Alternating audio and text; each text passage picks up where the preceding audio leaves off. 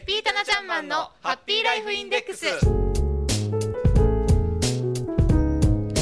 FP タナちゃんマンのハッピーライフインデックス。この時間はあなたの夢と未来をトータルサポートするライフサポート有限会社の提供でお送りします。私たちと一緒に明るい未来幸せな生活になるためのマネーライフを考えてみませんか？タナちゃんマンからの幸せになるメッセージもお届けしますよ。そしてあなたからの疑問質問もこの番組では受け付けています。ぜひお気軽に寄せてくださいね。宛先はメールアドレス fm768 アットマーク p-wave.ne.jp メールアドレス fm768 アットマーク p-wave.ne.jp です。あなたのご意見もお待ちしています。さあそれでは今日も早速一級ファイナンシャルプランニング技能士。そしてライフサポート有限会社代表のタナちゃんマンを呼んでみましょう。あなたもご一緒に。せーの。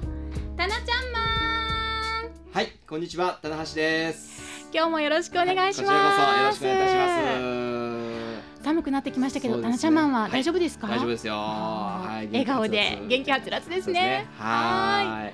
さて今日はそうですね。今日はちょっとね今急に音楽がなんか雰囲気がちょっとえ変わりましたけれども、はい。実はですね、今日は皆さんにちょっとお知らせしたいなっていうことがありまして、そのお話をさせていただきます。えどんなことなんですか、えー実はですね、えー今度の日曜日11月9日に、はい杉浦隆之さんって言われる方のライブがあります。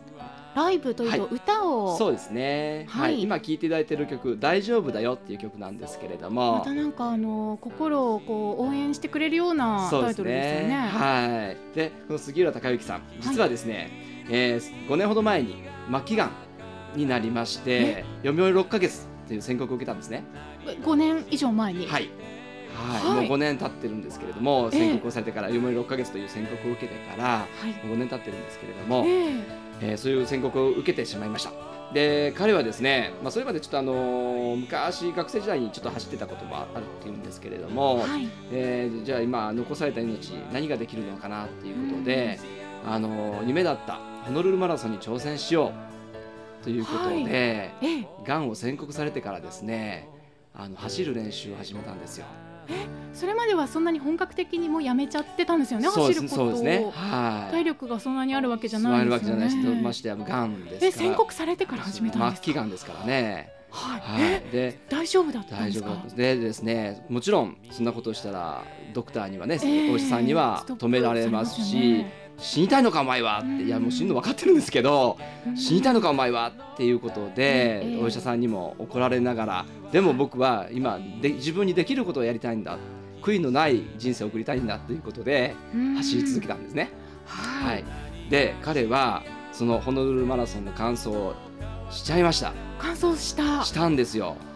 はい。でそんな彼がですね、まああのこれもまた趣味でやってた音楽なんですが、はいはい。その自分がこうやってやってるんだっていうことをうん。歌にしてですね、皆さんにお伝えしたいということで、今聴いいていただいてる大丈夫だよっていう曲を作詞作曲をされて、まあ CD も出てるんですけれども、はい。でその彼のトークショーライブをですね、この四日市で11はい11月9日の日曜日に行いますので。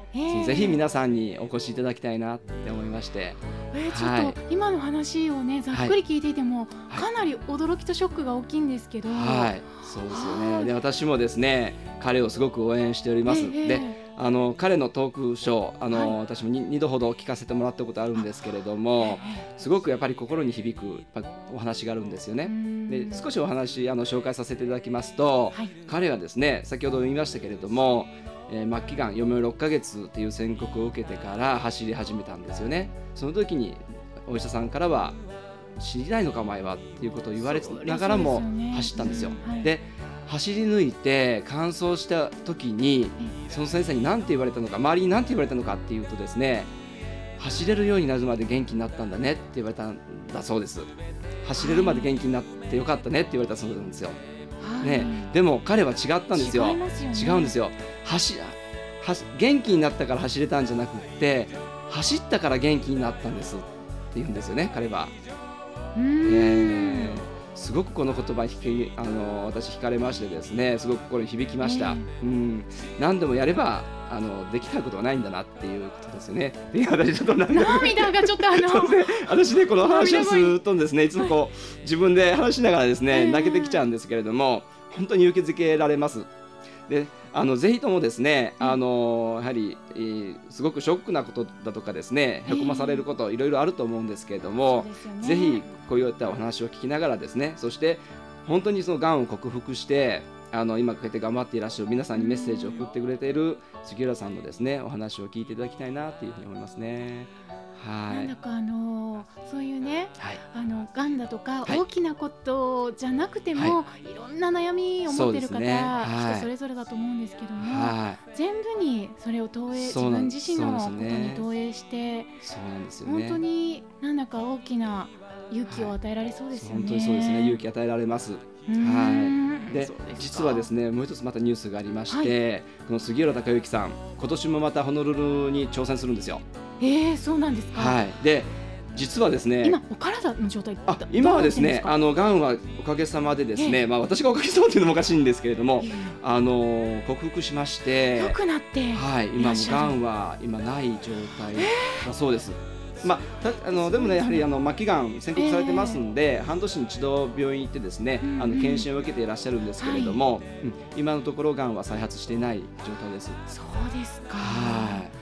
それは気持ちの持ちようとか、ねはい、精神的なものから、ね、心の状態から克服できたっていうことなんですよね。よねはい。でよく最近こういうの杉浦さんの話だとかお聞きしますと。はいあのがんを宣告された時に、えー、あのやっぱり克服していらっしゃる方もあのこのお話を聞いてからですねすごく耳にするようになったんですね。で共通して言えることは、えーがんとどう戦うかではなくて残されない命をどう充実させて楽しく生きるかっていうことに目を向けられた人が克服されている方ばかりなんですよ。そういう方ばかりが克服されてるっていうことに私も気づきましてだからどんな時も笑ってですね前向きに進んでいきたいなって思ってます。で先週もですね、どんな時も笑うっていうことを話させてまいりましたけれどもね、ね、こういうところもやっぱりつながってるのかなっていうふうに思います。まさにその、すごく大きな、一例を身をもって表していただいている方ですよね。ねはい、それと今年もまた杉浦さん挑戦するんですが、うん、今年はですね、なんと彼はですね、はい、あのホノルルマラソン挑戦してゴールをした、その後、はい、結婚式をホノルルで挙げるということで。そんな幸せな、はい、そうなんですよ。はい。でこのトークライブトークライブですね、はい、えー、にもその婚約者フィアンセの、えー、えー、朝日ちゃんって言われるね本当に可愛いキュートな女の子なんですけれども、えー、名前もまたこうね。この朝日ちゃんもまたちょっとあのなんていうか心に響くお話があるんですけれども、えー、実はこのボランティアをやっていらっしゃること、はい、かあのことであの海外のねティーロン村っていう本当に貧しい村があるんですけれどもそこに、はい、あの寄付を送ったりとかして活動していらっしゃる、うん、キュートな女の子朝日ちゃんと結婚されるんですけどね。ホノルルマラソンを完走してその翌日にハワイで結婚式を挙げると。いうはい、本当にこう未来へ向かっての光をそうですね。受け止められそうですね。はい、ですね。ですので、ね、ぜひ本当に皆さんに勇気与えていただくことできると思いますんでね、はい、ぜひあの来ていただきたいと思います。はい、はい、もう一度日時とそして場所をご案内していただけますか？はい、えー、日にちがですね、えー、11月の9日日曜日。場所がですね、えー、四日市にありますクラブジパングというところで行います。はい、はい、時間がですね、えー、お昼の3時半1時半開場いたしまして、えー、14時からトークライブをスタートいたします。でその後ですね休憩を挟みまして、えー、希望者の方だけですねですけれども、えー、座談会を行いたいと思います。それとトークライブにご参加いただいた方にはワンドリンク付きで、えー、楽しんでいただくことができます。はい。素敵な座談会もね参加されて、ね、よりコミュニケーション取っていただけそうですよね。はいはい、クラブジパングは四日市市内え諏訪栄町5の16にあります、はい、電話は零五九三五六の零七零零三五六の零七零零です、えー、ちなみにこう行きたいなと今日聞いて思われた方はどうしたらい。いでしょうか、はい、はい、ね。はい、えー、チケットですね、えー、の申し込みお問い合わせにつきましては平山さんという方が窓口をやっていただいております。はい、はい、えー、電話がですね零九零九零の一四八零五三六平山さんまでお願いいたします。